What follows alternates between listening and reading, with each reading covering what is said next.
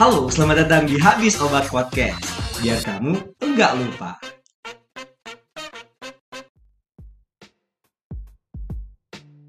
Apa kabar? Alhamdulillah baik.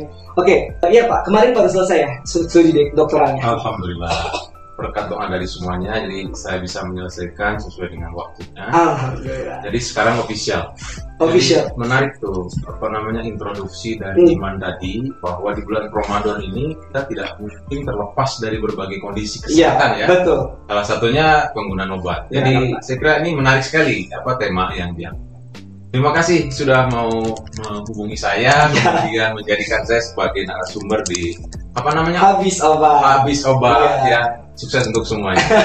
Iya Pak. Jadi berkaitan dengan yang tadi sudah disampaikan kan mungkin ada beberapa masyarakat yang sering bertanya terkait dengan penggunaan obat di saat berpuasa. Oke. Nah, dan mungkin yang dari awal dulu Pak ya, kita mungkin mereview atau mungkin menginformasikan ke masyarakat atau teman-teman yang lagi mendengarkan habis obat sekarang, kita perlu tahu nih di puasa ini kira-kira hal-hal apa saja yang dapat membatalkan puasa. Jadi yang pertama pada seluruh umat muslim yang menjalankan ibadah puasa Ramadan, saya ucapkan selamat menjalankan ibadah puasa dan saya yakin semuanya masih tetap kuat dan masih tetap semangat begitu ya. Jadi betul sekali ya, yang pertama kali harus kita ketahui adalah hal-hal yang membatalkan puasa itu apa saja Iya, betul. gitu ya. Jadi secara garis besar eh, kalau me- literasi pada hadis Nabi itu, eh, kurang lebih bahwa untuk eh, hal-hal yang membatalkan puasa itu adalah apabila ada hal-hal yang memasuki tubuh Mm-mm. Itu akan menyebabkan batal puasa. Berbeda dengan batalnya wudhu. Kalau batal wudhu yang keluar dari tubuh kita. Iya, Sederhananya begitu ya. Nah sekarang misalnya eh, melalui apa masuknya sesuatu dari luar sehingga membatalkan puasa. Ya. Satu melalui mulut, kedua melalui mohon maaf saya sebut eh, anus begitu ya, eh, di bagian dubur dan eh, tentu saja di bagian lubang tubuh yang lain termasuk hidung. Kalaupun wudhu misalnya kalau kita menghirup udah eh, air terlalu banyak begitu ya, Ya. meskipun tanpa sengaja dan sebagainya itu dihindari karena Oke. itu dapat menyebabkan batal puasa. puasa puasa. Ya. Nanti masuk ya Pak. Betul. Kemudian kalau kita lagi perjalanan misalnya Ya. ya, kemudian kita mual, ma- mabuk, kemudian muntah dan muntahnya itu mungkin saja akan terhisap kembali itu juga batal. Oh, iya. Nah itu. Kemudian, nah sekarang yang menjadi menarik adalah bagaimana jika orang itu sedang dalam kondisi pandemi, ya Iya. kan? Perlu adanya vaksin. Iya. Nah, kita harus merujuk pada ketentuan yang berlaku ya. Kita rujuk yang pertama kali adalah keputusan dari Wa- Fatwa MUI Ya. nomor 13 tahun 2001 Sampai ya. ya betul. Karena eh, terus terang saja kita tidak boleh memutuskan sesuatu serampangan begitu ya. Iya. Harus merujuk pada institusi yang memang berkompeten di situ. Iya. Meskipun itu adalah ormas Islam, tetapi sebagai umat Islam tentu harus punya rujukan. Iya. Sebagaimana kita farmasi, kita harus punya rujukan yaitu farmakope kan begitu. Iya. ya. Nah, andai kata eh, ada eh, masyarakat muslim bertanya apa saja yang membatalkan puasa dan apakah vaksin itu batal atau tidak, maka rujuklah itu fatwa MUI nomor 13 tahun 2001. Dalam 21. 2001. Dalam ketentuan itu memang disebutkan ada beberapa jenis vaksin ya. Iya. Uh, salah satunya adalah vaksin yang memang uh, diteteskan begitu ya intranasal, Hmm. ada juga yang melalui intravena dan ada intramuskular. Oh, Nah, itu. Jadi yang diambil oleh MUI yang saya lihat itu adalah apabila dimasukkan vaksin tersebut secara intramuskular artinya ke otot Hmm. itu tidak batal. Oh, Ya. Jadi dengan demikian MUI juga memberikan satu fatwa lagi yaitu jika vaksin dilaksanakan dengan intramuskular kemudian sebaiknya direkomendasikan itu dilakukan memang malam hari gitu ya kalau vaksin. Nah, merujuk pada hal-hal tersebut tentu kita juga harus lihat second opinion ya kan? Lihat bagaimana rujukan yang lain ada salah satu ustadz sebutlah ustadz yang terkenal adalah ustadz Dr. Aam Amiruddin MSc Iya. ya beliau itu lebih moderat saya saya lihat malah beliau itu eh, tidak mengharamkan untuk vaksin karena dalam masa pandemi. Jadi kalau kita eh, ambil garis tengah maka sebetulnya dalam mengkonsumsi obat juga pertama tadi vaksin secara intramuskular ya batal. Berarti Kalau kita ikuti injeksi melalui intramuskular, tentu saja tidak batal kan? Iya. Eh, sesuai dengan ketentuan atau fatwa dari MUI itu. Nah, sekarang eh, mungkin ada bentuk-bentuk Ya, sediaan yang bentuk lain, sediaan yang lain. mungkin kita harus juga pertimbangkan Ya. ya untuk eh, ini. Barangkali itu mungkin. Hmm, iya. Kan tadi Bapak sudah menyebutkan ya, sudah disinggung mengenai bentuk-bentuk sediaan lain. Kan tadi sudah dibahas mengenai vaksin. Jadi itu ya, vaksin teman-teman, vaksin tidak membatalkan puasa. Jadi Apabila apabila secara intramuskular. Jadi mungkin boleh merujuk ke fatwa MUI nomor 13 tahun 2021 ya. ya. Terkait dengan bentuk-bentuk sediaan yang tadi Bapak sampaikan. Kan banyak tuh Pak sediaan farmasi yang beredar di pasaran. Hmm. Dari yang mungkin yang paling konvensional atau yang paling kita kenal adalah bentuk tablet. Yang mungkin ya kalau tablet kalau dikonsumsi di siang hari ada nggak? Nah, Oke, kita lihat dulu ya. Mungkin kalau kalangan farmasi menyebut istilah sediaan itu biasa saja. Oh iya benar benar. Nah, kalau misalnya masyarakat umum belum tentu melihat sediaan itu apa. Iya, ya. betul ya. Apakah sesuatu yang tersedia gitu Iya kan? iya. iya. Nah, sediaan itu mungkin diambil dari istilah bahasa Inggris yang lebih umum yaitu pharmaceutical dosage form. Iya. Jadi bentuk Bentuk. eh, obat gitu ya. Nah, istilah eh, Indonesia itu disebut sebagai sediaan farmasi ya.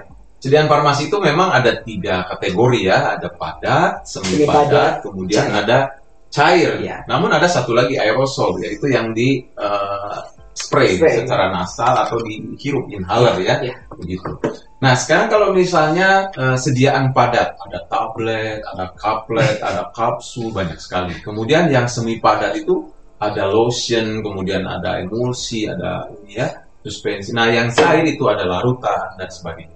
Sekarang pertanyaan Iman tadi, Tablet diminum di siang hari. tablet diminum di siang hari ya tentu saja orang itu mau masukkan sesuatu secara oral ya. Iya. Kalau merujuk pada ketentuan yang membatalkan puasa tentu itu membatalkan. Membatalkan. ya. Nah, tinggal sekarang eh, strategi mengatur agar eh, dosisnya itu tepat apabila kita Hmm. sedang dalam masa terapi. Iya. Tetapi misalnya ingin terus meneruskan niat puasanya. Iya. Strateginya adalah dengan mengatur intensitas konsumsi obat Oh, ya. Mungkin kita bisa jelaskan melalui jendela terapi. Iya.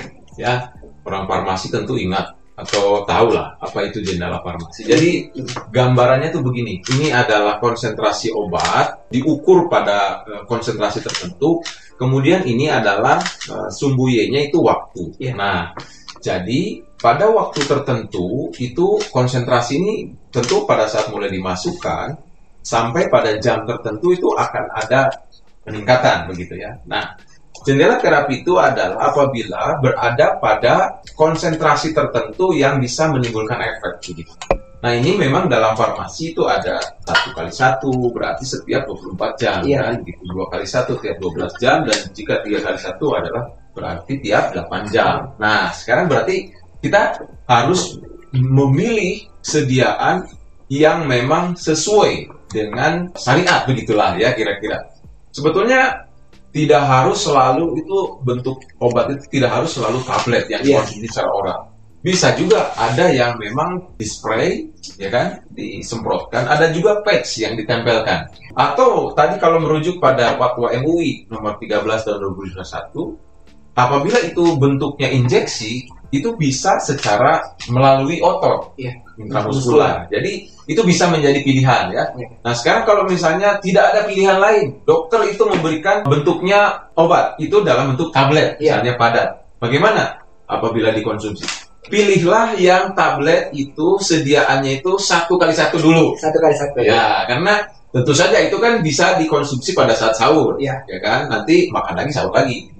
Kalau dua kali satu berarti sahur dan buka, kan gitu. Betul. Nah kalau tiga kali satu bagaimana? Berarti siasatnya adalah pada saat sahur itu di ujung waktu, Iya. ya. Jadi eh, biasanya masyarakat Indonesia mengenal waktu imsak, meskipun Iya. sebenarnya ya kita mengikuti saja lah. Sebenarnya Iya. tidak ada itu ya. Iya, Ya, silakan 10 sebelum. menit dari waktu subuh ya.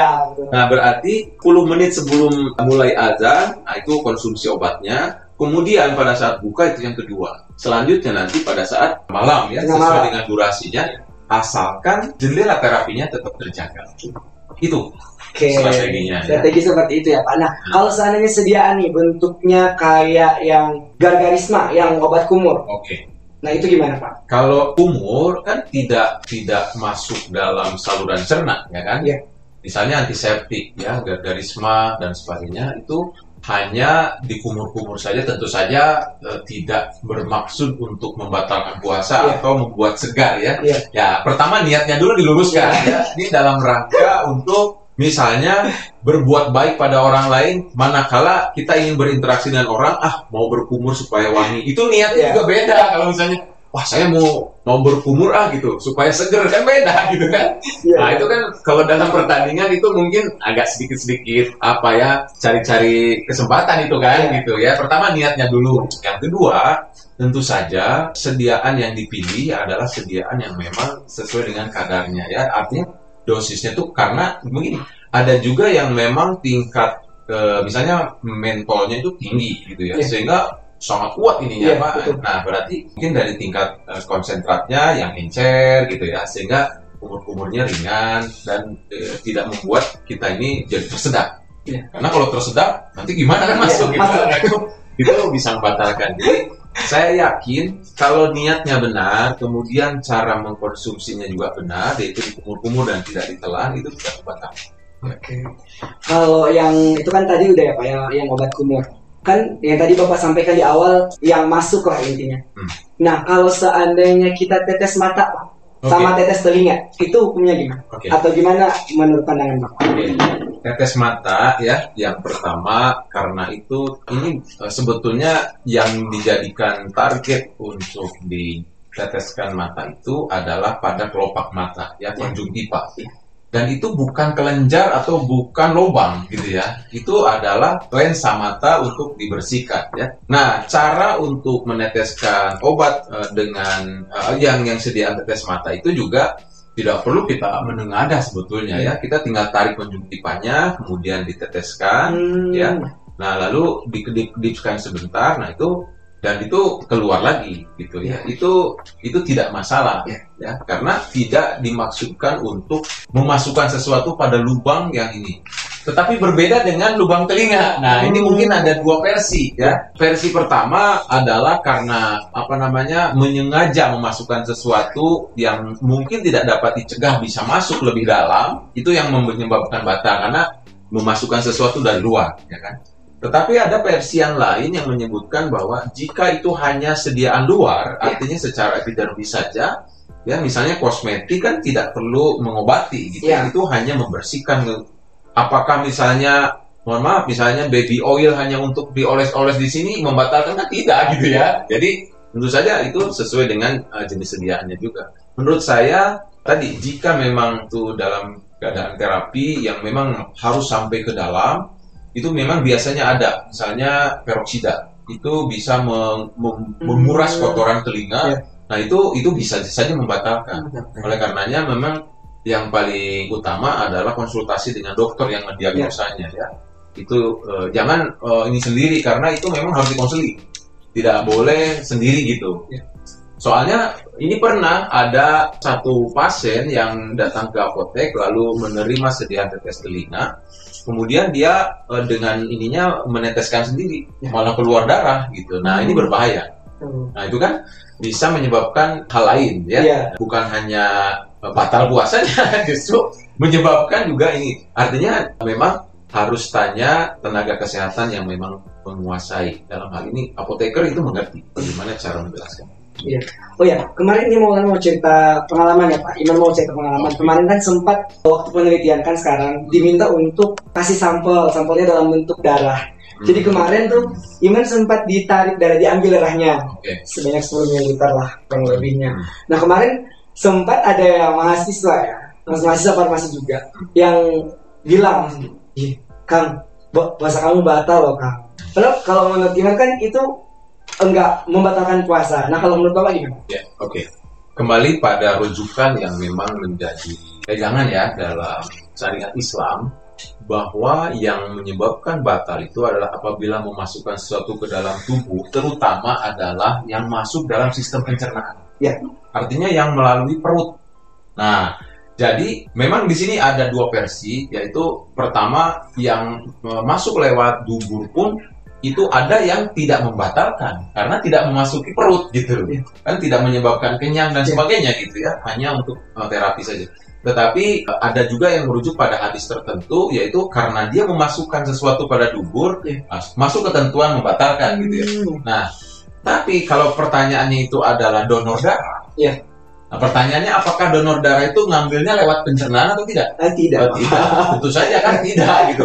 Artinya bahwa jika tidak masuk dalam sistem pencernaan tidak melalui perut itu tidak membatalkan. Hmm, ya. Jadi vaksin dan donor itu tidak membatalkan. Iya. Ya, itu menjadi sesuai ya. dengan justru menyehatkan betul. Iya. Oke. Oke Pak, selain pertanyaan dari kami dari tim habis obat, kami juga mungkin mendapatkan banyak pertanyaan dari Oh, iya. sabda-sabda netizen Oh iya. melalui akun. Instagram habis Ya. obat. Ya mungkin Iman bacakan ya Pak ya. Baik. Dari yang pertama nih, bagaimana jika suntik vitamin yang biasa di klinik klinik klinik kecantikan itu loh, Hmm. suntik vitamin C misalnya. Nah, apakah itu dapat membatalkan puasa atau enggak? Oke. Baik ya, terima kasih atas pertanyaannya. Ini pertanyaan baik sekali karena saya yakin banyak yang menunggu-nunggu jawaban ini. Iya. kita butuh tampil cantik bukan gitu ya karena apa namanya penampilan itu lebih utama daripada hal-hal yang lain Iya kan dibilang kecantikan itu privilege. Nah itu ya ya betul ya bisa mendapatkan sesuatu yang istimewa Iya, betul. karena Ada kita diperlakukan istimewa Iya, gitu ya, betul. nah oleh karena itu yang pertama sekali lagi saya ingin tekankan bahwa mari kita eh, perkuat terlebih dahulu niatnya Iya. ya kan niat puasa kita tetap terjaga, nawa itu kita tetap harus terjaga. Nah, kemudian untuk apa intensitas dari injeksi itu kan tentu tidak menyebabkan kita menjadi lebih kenyang, Iya. tidak menyebabkan kita apa menjadi lebih segar dan sebagainya itu hanya dalam kondisi terapi yang memang sesuai standar. Menurut saya itu masih masuk dalam kategori tidak membatalkan. Tidak membatalkan. Ya. Oke. Sekali lagi kuncinya di niat. Ya. Ya. Niat ya. Emang ada niat yang lain, Pak? Ada. Misalnya begini, mohon maaf nih ya, mohon Iya, maaf. iya, iya. Ini contoh misalnya, ah saya pengen tampil berbeda nih gitu. Nah, jadi kan kalau misalnya ingin tampil berbeda berarti mencari penilaian itu dari pihak lain selain Iya. yang maha menguasai Iya. hati, maha membolak-balik. Ya kan? Iya. Jadi kalau misalnya, wah saya pengen dilihat cantik oleh orang lain, wah saya uh, pengen dilihat sehat oleh orang lain, padahal tidak sesuai dengan kenyataannya. Iya. Jadi karena niatnya itu berbeda, ya kan? Nah ini tentu saja puasanya itu menjadi hambar. Iya. Saya tidak bisa mengatakan itu batal Iya, ya, iya. karena yang mengetahui niat itu kan hanya Allah, Iya. ya kan? Karena kita tidak tahu hati seseorang itu seperti apa. Cuma tentu saja kita harus mengantisipasi, jangan sampai kemurnian niat kita, kesuci- kesucian ibadah puasa kita itu ternodai gara-gara kita salah kaprah Iya. dalam apa namanya menyatakan suatu niat itu. Oke. Oke, Pak. Masih ada nih, Pak, pertanyaan. Gak apa-apa ya, Pak ya? Oke, nggak apa-apa. Justru bagus kok ya. Berarti Iya. banyak yang Banyak yang tertarik emang, Tertarik. Pak. Karena emang ini merupakan kasus yang nyata. Eh, Jadi Iman pernah ditanya, mungkin teman-teman tim habis obat ditanya juga. Karena ya orang tua ya, orang tua sering nelpon kan, Pak. Oh, oke. Kita jadi kayak, walaupun belum apoteker, udah jadi apoteker di mata mereka. Oke. Udah konseling. Oke, selanjutnya Pak nih. Oke. Ada lagi. Emang banyak, Pak. Oh iya, obat-obat TB Hmm. juga kan harus diminum tepat waktu. Oke. Apakah nantinya akan mempengaruhi efektivitas obat jika digeser waktu minumnya? Oh, oke. Ini ini pertanyaan bagus dan memang harus mikir juga nih. benar. Harus harus eh, Begini, kenapa pertanyaan ini menarik ya? Perlu saya sampaikan bahwa TBC itu adalah penyakit yang disebabkan oleh Mycobacterium tuberculosa. Jadi tuberculosa ini, eh, Mycobacterium ini sifatnya dua, yaitu jamur sekaligus bakteri. Dia mempercepat dirinya seperti bakteri, tapi kekuatan dan kekebalannya seperti jamur. Jadi Wah. dia tuh eh, bakteri tahan asam disebutnya. Jadi eh, dia tidak mungkin akan mati hanya oleh satu macam antibiotik. wow. Kayak X-Men ya, Pak ya. Iya, Bermutasi. Dia, betul. Dia itu ini sebelum mutasi saja dia Oh. tuh tahan. Ya, Dan ya, ya. jangan heran ya. Bakteri eh, Mycobacterium tuberculosa itu meskipun hanya satu bukan koloni Hmm. itu bisa menyebabkan orang itu TBC. Nah, itu bahayanya ya. Dan dia itu kebal. Ketika dia diberikan satu antibiotik dia tidak akan mati gitu. Dia tetap tahan karena mikonya itu jamurnya itu kuat sekali. Hmm. sehingga untuk eh, terapi TBC itu minimal 4 Ya, betul. Banyak ya Pak obatnya. apa namanya Regimen, antibiotik. ya. dan itu harus dikonsumsi dalam waktu enam bulan berturut-turut. Bayangkan ya kan? Enam bulan empat baru dia mati gitu. Se- sekuat apa sih gitu ya? Mungkin X-Men juga lewat kali ya. Betapa kuatnya. Jadi memang hindarilah penyebab dari TB itu lebih penting daripada mengobati TB itu luar biasa. Me- apa capek. Nah pertanyaannya menarik bagaimana kalau saat puasa gitu ya? Regimen obat regimen itu gabungan dari komponen obat yang harus dikonsumsi ya. Itu kan minimal 4 plus vitamin B6 karena ya. itu efek samping dari INH ya. Ya. isoniazid itu eh, harus ada vitamin. Berarti 5 minimal kan ya Iya. pertanyaannya adalah Efektif nggak? masih efektif atau tidak kalau saya yakin efektif kenapa karena dosis dari 4 itu seingat saya itu satu kali satu dan dua kali satu Ya. nah jadi jedanya itulah yang kita akan atur jadi pada saat Hmm. sahur dan saat puasa Berbuka. Iya berbuka itu tetap efektif karena memang waktu paruh obatnya itu memang demikian eh, di rentang waktu yang memang eh, setiap 12 jam. Iya. Saya kira aman, itu efektif. Siap. Ya. Oke, pertanyaan yang terakhir nih Pak. Oh, kok terakhir masih banyak kali ya? Ya. Punten mau nanya Pak, Ya, mangga Apakah- suntik insulin dapat membatalkan puasa atau tidak? Kan insulin disuntikan pada bagian perut ya Pak, intramuskular perut. Nah, mohon penjelasannya. Oh, oke. Nah, kalau insulin ini eh, agak berbeda ya. Itu bukan intramuskular ya, Oh, tapi intramuskular. intraperitoneal. Oh ya. Nah, kalau intraperitoneal, apalagi ini melalui jalur perut dan Hmm. ini mempengaruhi konsumsi eh, glukosa. Nah, glukosa adalah nutrisi yang memang digunakan oleh tubuh untuk mengkonversi menjadi energi.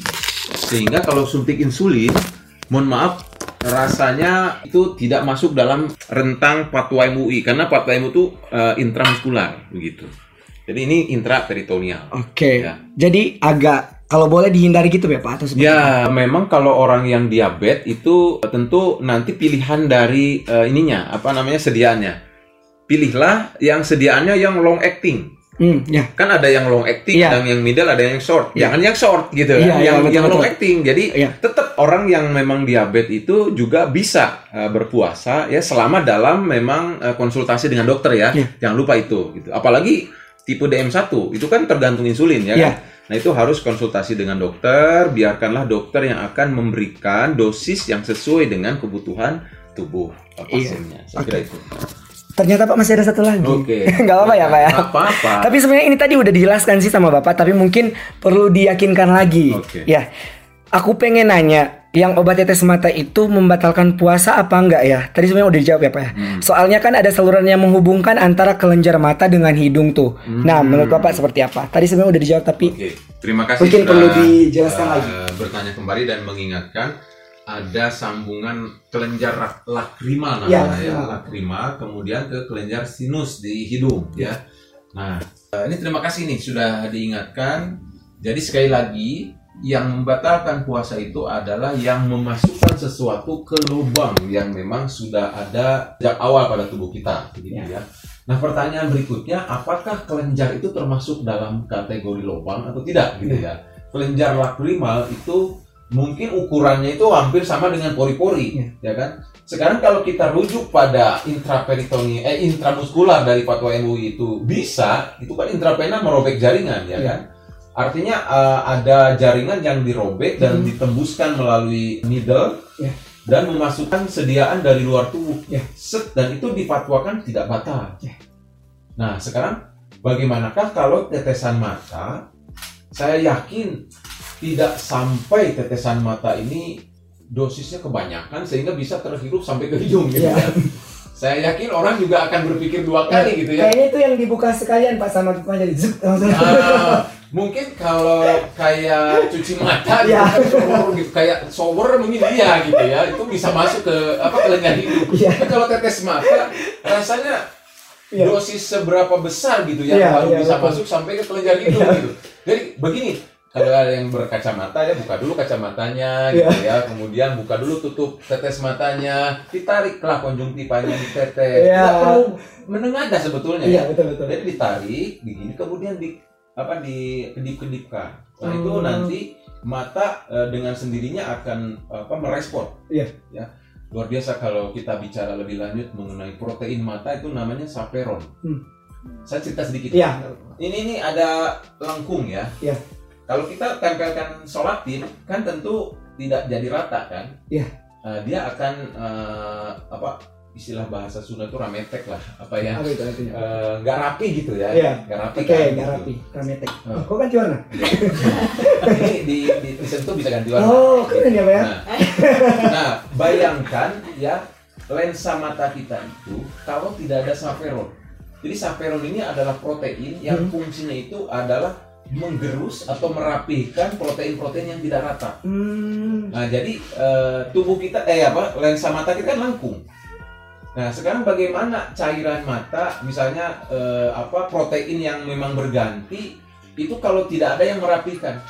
Ya kan? Iya, Nah, fungsi saperon ini meskipun seperti sederhana tetapi itu bisa membuat kita luar biasa lebih bersyukur kepada Allah. Luar biasa ternyata ada protein yang bisa merapikan mata. Iya ya. Nah, Nah sekarang tetes mata, tentu eh, saperonnya itu akan mendapatkan kelembaban yang cukup sehingga bekerja secara maksimal optimum. Hmm. Jadi itu lebih bagus, Iya. begitu ya. Jadi ya tentu saja jangan sampai apa namanya berlebihan konsentrasinya supaya tidak sampai ke kelenjar hidung. Saya kira itu Iya, ya. siap. Jadi itu ya teman-teman. Jadi mungkin kalau ditarik kesimpulan dari yang sudah disampaikan tadi oleh Pak Deden ya. Sebenarnya di puasa itu banyak kemudahan yang diberikan oleh Allah Subhanahu wa taala. Jadi jangan pikir susahnya nahan lapar, haus terus pengen minum obat gini-gini dan lain sebagainya ya Pak ya. Betul. Jadi sebenarnya di setiap ibadah yang Allah perintahkan ke kita itu sebenarnya adalah ad- memberikan hal-hal yang baik juga bagi kita. Itu semuanya kembali ke kita ya Pak ya. Jadi sebelum mungkin menutup sesi Omami keempat yang sangat spesial hari ini, Luar biasa emang ini ya. Energi Mungkin- positifnya itu auranya tuh ber- berkembang ke mana-mana gitu. Allah Akbar ya Pak ya. Eh, mungkin dari Bapak nih closing statement untuk teman-teman habis obat yang lagi mendengarkan live streaming hari ini. Oke. Yang pertama bahwa syariat berpuasa oleh Allah Subhanahu wa taala itu adalah untuk memaslahatkan umatnya. Ya. Itu yang pertama. Artinya tidak mungkin menyebabkan uh, umatnya atau hambanya itu menjadi sengsara, menjadi beban dan menjadi kesusahan. Tidak. Justru ujung dari puasa yang benar itu adalah menyehatkan. Ya. Sawamu tasih. Ya. Ya. Kalau kamu berpuasa maka kamu akan sehat. Nah, yang pertama yang harus kita jadikan pegangan adalah mari kita luruskan niat dengan Hmm. benar untuk betul-betul menjalankan puasa ini karena ibadah puasa itu intinya adalah dua, yaitu kejujuran dan kebenaran. Silakan misalnya berpuasa, terus misalnya di kamar tertentu kan nggak ada yang lihat, ah, makan aja Ya. gitu. Justru puasa itu tidak akan menyebabkan orang tuh seperti itu. Ya. Jadi melatih kejujuran. Yang kedua kebenaran. Kenapa? Nasi itu haram atau halal? Halal. halal. Ya. Tapi kenapa ketika puasa itu tidak boleh dimakan? Artinya kita dilatih untuk menjalankan kebenaran karena itu perintah Allah. Jadi Iya. membuat kita itu lebih taat. Nah, jika niat kita benar, maka mengkonsumsi obat dengan niat yang benar dan mengikuti ketentuan fatwa, kemudian ketentuan hadis dan sebagainya, itu Islam itu memudahkan, tidak menyukarkan. Selamat menjalankan puasa dan tetap sehat. Iya. Oke, terima kasih kepada Bapak Deden yang sudah mau kami ajak untuk berdiskusi pada Sama-sama. sore hari ini. Sa-. Pokoknya sangat-sangat spesial menjadi pionir pertama ya bagi habis obat. Kami live streaming pertama dengan narasumber yang maksudnya dari unsur pengajar yang pertama dari Bapak Deden dan Bapak Deden menerima undangan kami dengan sangat humble dan sangat fast respon ya guys teman-teman semua habis obat perlu diketahui sangat fast response. Bahkan itu aku chatnya itu tengah malam, eh bukan tengah malam, udah jam di atas sebenarnya jam eh, udah nggak layak untuk chat dosen di atas jam segitu ya, tapi tetap direspon. Alhamdulillah Ya, diberikan Alhamdulillah. diberikan kemudahan sama Pak Dede. Dan untuk teman-teman habis obat itu ya, mungkin sudah terjawab pertanyaan bahwa beberapa obat-obat tertentu memang dapat membatalkan puasa dan beberapa obat tertentu tidak membatalkan puasa dan itu kembali ke niat. Hmm. Ya, Dan mungkin buat teman-teman habis obat, terima kasih buat teman-teman yang sudah stay tune pada hari ini. Mudah-mudahan teman-teman tetap sehat dan tetap lancar puasanya sampai hari ke-30. Bapak juga ya Pak? Insya Allah lancar Insya Allah, sampai hari ke-30 dan Semoga. kita nanti bisa merayakan hari yang fitri. Amin ya Allah. Terima kasih teman-teman habis obat, habis obat podcast hari ini dari teman-teman biar kamu enggak lupa. Bye semuanya. Terima kasih Bapak.